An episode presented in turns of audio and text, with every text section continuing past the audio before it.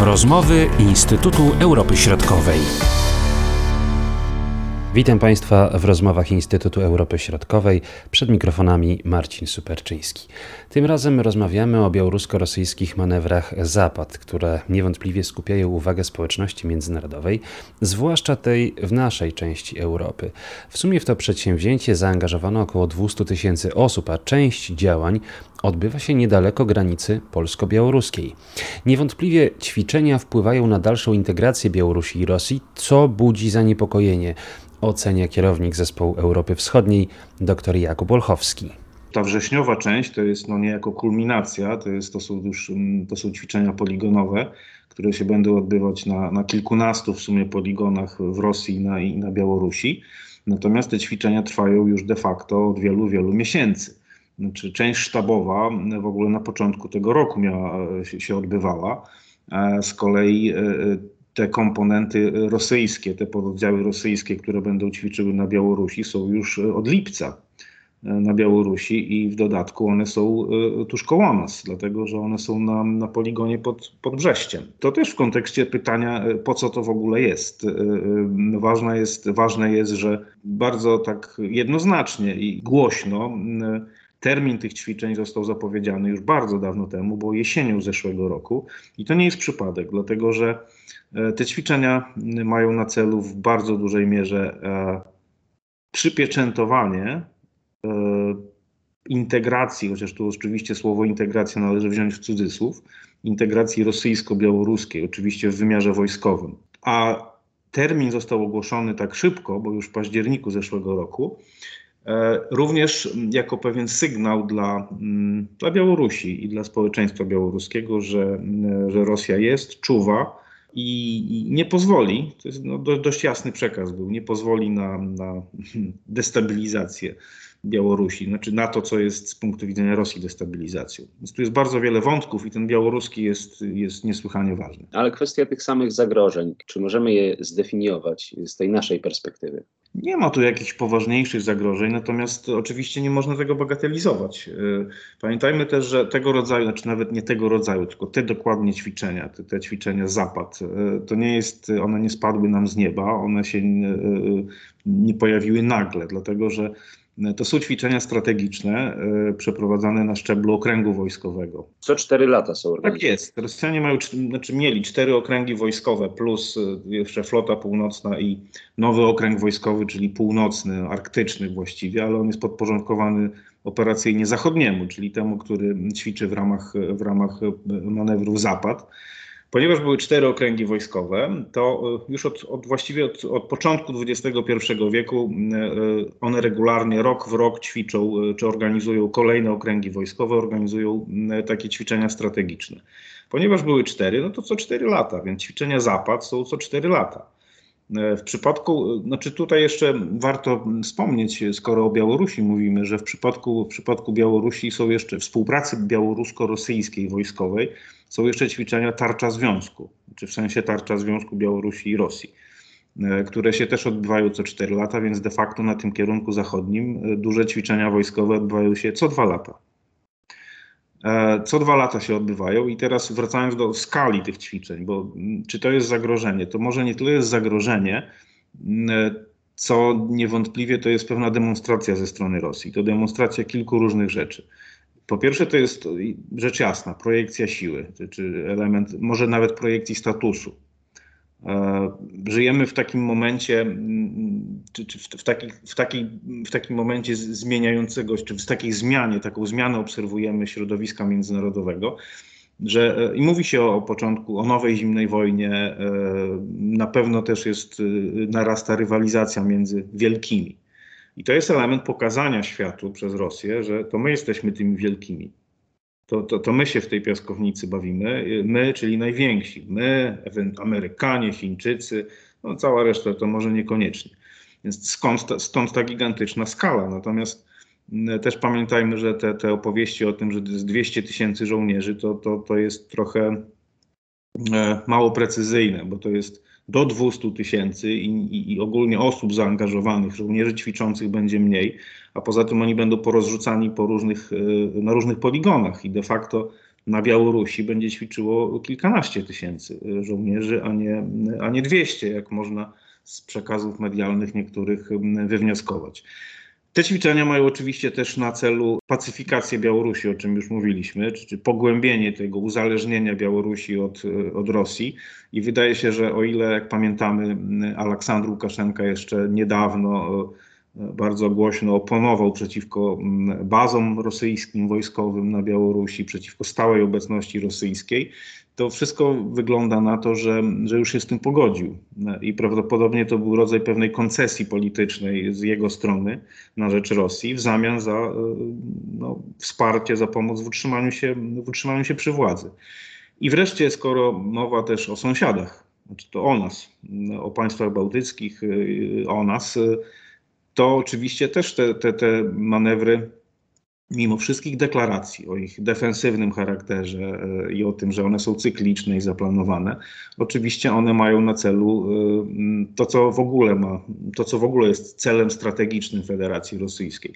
Destabilizowanie Zachodu, sianie zamętu, i im się to świetnie udaje. Wychodzi y, całkiem nieźle, tak patrząc na chłodno, widząc y, reakcje w, różnych państwach, no w naszym kraju, prawda, na to, co się dzieje na Białorusi no to rzeczywiście udaje się to całkiem nieźle. Jakie wnioski wyciągają Rosjanie i Białorusini właśnie z tej sytuacji, którą obserwują między innymi w Polsce, ale także w innych krajach regionu? Zapewne y, uznają to za, za, za swój jakiś tam sukces, y, to że, to, że udaje się y, no, jednak pewien kryzys polityczny, pewien zamęt społeczny wywoływać, bo, bo, bo, bo o to chodzi.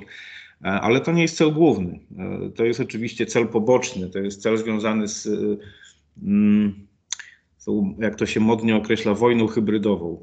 To też to jest, jest trochę problematyczne jest używanie w tym kontekście słowa wojna, bo jednak ono ma inne konotacje i też w prawie międzynarodowym zupełnie co innego oznacza ale mm, znaczy raczej konflikt hybrydowy, to, to, to tak. Natomiast jeśli już mówimy o wojnie hybrydowej, to że jej się nie wypowiada, bo też takie e, pojawiają się w naszej przestrzeni publicznej określenia, że Białoruś wypowiedziała nam wojnę hybrydową. Wojny hybrydowej się nie wypowiada.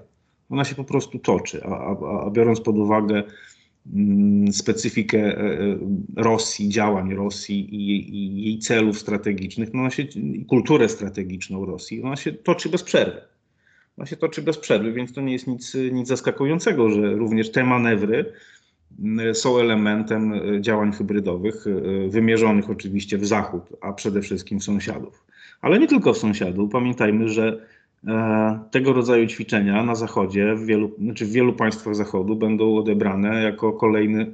Znaczy, um, znowu wzrośnie liczba osób, polityków zachodnich czy w innych, innych środowisk, które będą mówić, że no Rosji lepiej nie drażnić.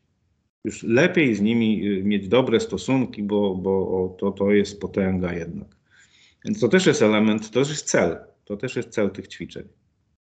E, czy ten kryzys migracyjny, który obserwujemy tutaj na pograniczu polsko-litewsko-łotewsko-białoruskim, to jest element tych ćwiczeń, czy to są niezależne e, zupełnie zjawiska, które się pojawiają przypadkiem? Przypadkiem to one się nie pojawiają, ale trudno powiedzieć, odpowiedzieć na to pytanie jednoznacznie i, i w sposób miarodajny, dlatego że e, skoro to są działania, element działań hybrydowych, to też trzeba pamiętać, że nie ma żadnego e, centralnego ośrodka zarządzania działaniami hybrydowymi ani w Moskwie, ani w Mińsku, ani gdziekolwiek indziej. E, to są, to są bardzo rozproszone działania podejmowane przez różne podmioty i w różnych wymiarach. E, co nie znaczy, że suma summarum one nie tworzą pewnej całości. I, i, I, raczej pewnie nie. Pewnie, pewnie te działania, e, to wywoływanie kryzysu migracyjnego to jest e, swoją drogą, się toczą te, te, te działania, ćwiczenia wojskowe toczą się swoją drogą, co nie znaczy, że one się nie uzupełniają. E, i nie, nie wzmagają tego efektu e, niepewności, tego, te, tego napięcia właśnie w, w, tym obszarze przygranicznym i w ogóle w, w, obszarze polityki, na przykład u nas w kraju. No właśnie, co możemy powiedzieć o reakcjach e, w poszczególnych państwach na te ćwiczenia? Może nasz kraj zostawmy może na razie na boku, ale na przykład z punktu widzenia Ukrainy, prawda, która niedawno obchodziła rocznicę 30-lecia swojej e, niepodległości, wiemy w jakiej sytuacji, jeśli chodzi o relacje z Rosją, Krym, Donbas i tak dalej. No i także niedawno mieliśmy wizytę prezydenta Ukrainy w Stanach Zjednoczonych. Jak te sytuacje, jak e, ta wizyta i te ćwiczenia wiążą się ze sobą. Jeśli chodzi o ćwiczenia, to oczywiście one są, znaczy o ćwiczenia te rosyjskie, białoruskie, one oczywiście na Ukrainie są postrzegane jako zagrożenie. Znaczy tam są dość, dość silne obawy, te obawy są też no, werbalizowane przez przez przedstawicieli państwa ukraińskiego, przez, przez ukraińskie służby. E, e, no bo są obawy związane z możliwymi prowokacjami, są obawy związane właśnie z napięciem rosnącym. Zawsze w takiej sytuacji rośnie, no, rośnie napięcie społeczne, napięcie polityczne, a w związku z tym rośnie również możliwość e, różnych nieprzewidzianych wydarzeń, różnych prowokacji, etc. Pamiętajmy, że jeżeli spojrzymy na mapę, to Ukraina, e, biorąc pod uwagę e, e, Biało, znaczy granicę białorusko-ukraińską, to, to Ukraina będzie flankowana właściwie z, no, całkowicie od północy i wschodu. I poniekąd od południa, biorąc pod uwagę Morze Czarne i to, że jest kontrolowane przez, w dużej mierze przez flotę rosyjską. Więc nic dziwnego, że na Ukrainie są obawy. E, wizyta, e, ostatnia wizyta prezydenta Załęskiego w Waszyngtonie, o którą notabene zabiegał od samego początku e, swojej kadencji, chociaż no, dopóki prezydentem Stanów Zjednoczonych był Donald Trump, to, to, to, to no, może te zabiegi były dość ograniczone, zwłaszcza od pewnego momentu, no ale doczekał się. Znaczy, doczekał się Załęski wizyty w, w Waszyngtonie. I ona jest dość różnie oceniana, bo, bo z jednej strony on nic, nie przywiózł żadnych konkretów. Nie przywiózł żadnych konkretów, e, natomiast e, można w pewnym sensie uznać to za sukces, tę wizytę, z dwóch powodów. W wymiarze zewnętrznym e, jednak uzyskał Załęski potwierdzenie ze strony Bidena, że właśnie w konfrontacji z Rosją Stany Zjednoczone będą Ukrainę popierać. A już Ukraińcy się trochę bali, zwłaszcza po, po, po Nord Stream 2, e, i po, a później po tym e, no, spektakularnym wycofaniu się Amerykanów z, z Afganistanu. Już się Ukraińcy bali, że e, no, jaki będzie los kolejnych sojuszników, takich małych i gdzieś tam zagubionych w Europie Wschodniej, takich jak Ukraina właśnie. Rosja zresztą, propaganda rosyjska zresztą wskazuje. I od tego są działania hybrydowe, czyli propaganda między innymi.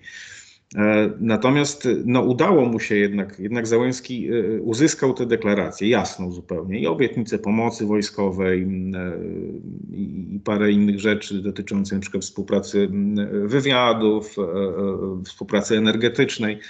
I to jest, to jest pewien sukces w takim wymiarze zewnętrznym. W wymiarze wewnętrznym Załęski wykorzystał tę wizytę, między innymi tę wizytę, do umocnienia swojej pozycji. Dlatego, że na, to, to, się bardzo szybko zmieniło na Ukrainie. Na początku tego roku i Załęski, i Sługa Narodu, czyli no jego, jego partia sprawująca de facto władzę, miały fatalne notowania. Natomiast po, po, po, po szeregu tych działań, takich mocno uderzających też w Rosję, takich antyrosyjskich, podjętych w pierwszej połowie tego roku, bardzo wzrosły notowania Załęskiego. On w tej chwili prowadzi w notowaniach prezydenckich, a Sługa Narodu prowadzi w notowaniach, jeśli chodzi o poparcie dla, dla partii politycznych. I to jest oczywiście sukces wewnętrzny i on się mu przyda, dlatego że, jak pamiętamy, niedawno właśnie Załęski ogłosił wojnę, już pojawiła się ustawa tak zwana deoligarchizacyjna. Załęski idzie na wojnę z oligarchami, a tego właśnie, tak swoją drogą, oczekują od niego Amerykanie i to bardzo, bardzo wyraźnie od samego początku. Podkreślają to wielokrotnie, że nie będzie reform na Ukrainie, to nie będzie pomocy i współpracy. Czyli nie ma innego wyjścia. Nie ma innego wyjścia i, i, i zdaję sobie z tego doskonale, doskonale sprawę, e, bo 30 lat niepodległości właśnie Ukraina niedawno obchodziła i, i przecież Ukraina zmaga się z, z, proces, z tym problemem um, dominacji oligarchów e, nie od wczoraj, nie od y, kilku lat, tylko od 30 lat przez tych 30 lat kolejne, kolejne władze, kolejni, e, kolejni e, przywódcy Ukrainy obiecywali, że będą walczyć z tą oligarchią i nic z tego nie wyszło. E, I Biden to widział, bo Biden jest w polityce dłużej niż 30 lat i trochę doświadczenie, jeśli chodzi o Europę Wschodnią, również ma. I teraz okazało się, że jednak, czy ta, ta ustawa okazała się jednak mm, chyba takim dość, dość mocnym uderzeniem i być może ona rzeczywiście będzie, będzie skuteczna, przynajmniej w jakiejś mierze. Zobaczymy właśnie, jakie skutki przyniesie. Mi się zawsze przypomina przy okazji prawa uchwalonego na Ukrainie takie stwierdzenie jednego z moich kolegów, dziennikarzy z Lwowa, który powiedział: My na Ukrainie mamy fantastyczne prawo. Ono jest bardzo dobre, tylko jest jeden podstawowy problem. Ono nie jest respektowane, ono nie jest wprowadzane w życie. Czyli chciałbym też, żeby jednak wyglądało to trochę inaczej niż te spostrzeżenia mojego kolegi dziennikarza. Jest takie powiedzenie, które co prawda odnosiło się kiedyś do, znaczy do, do prawa w, w dawnej Polsce, które też było dość dziurawe, e, że, że, że to prawo jest jak drzwi w lesie. Nie trzeba się dużo starać, żeby je obejść. I to niech będzie puentą na dziś. Były to rozmowy Instytutu Europy Środkowej.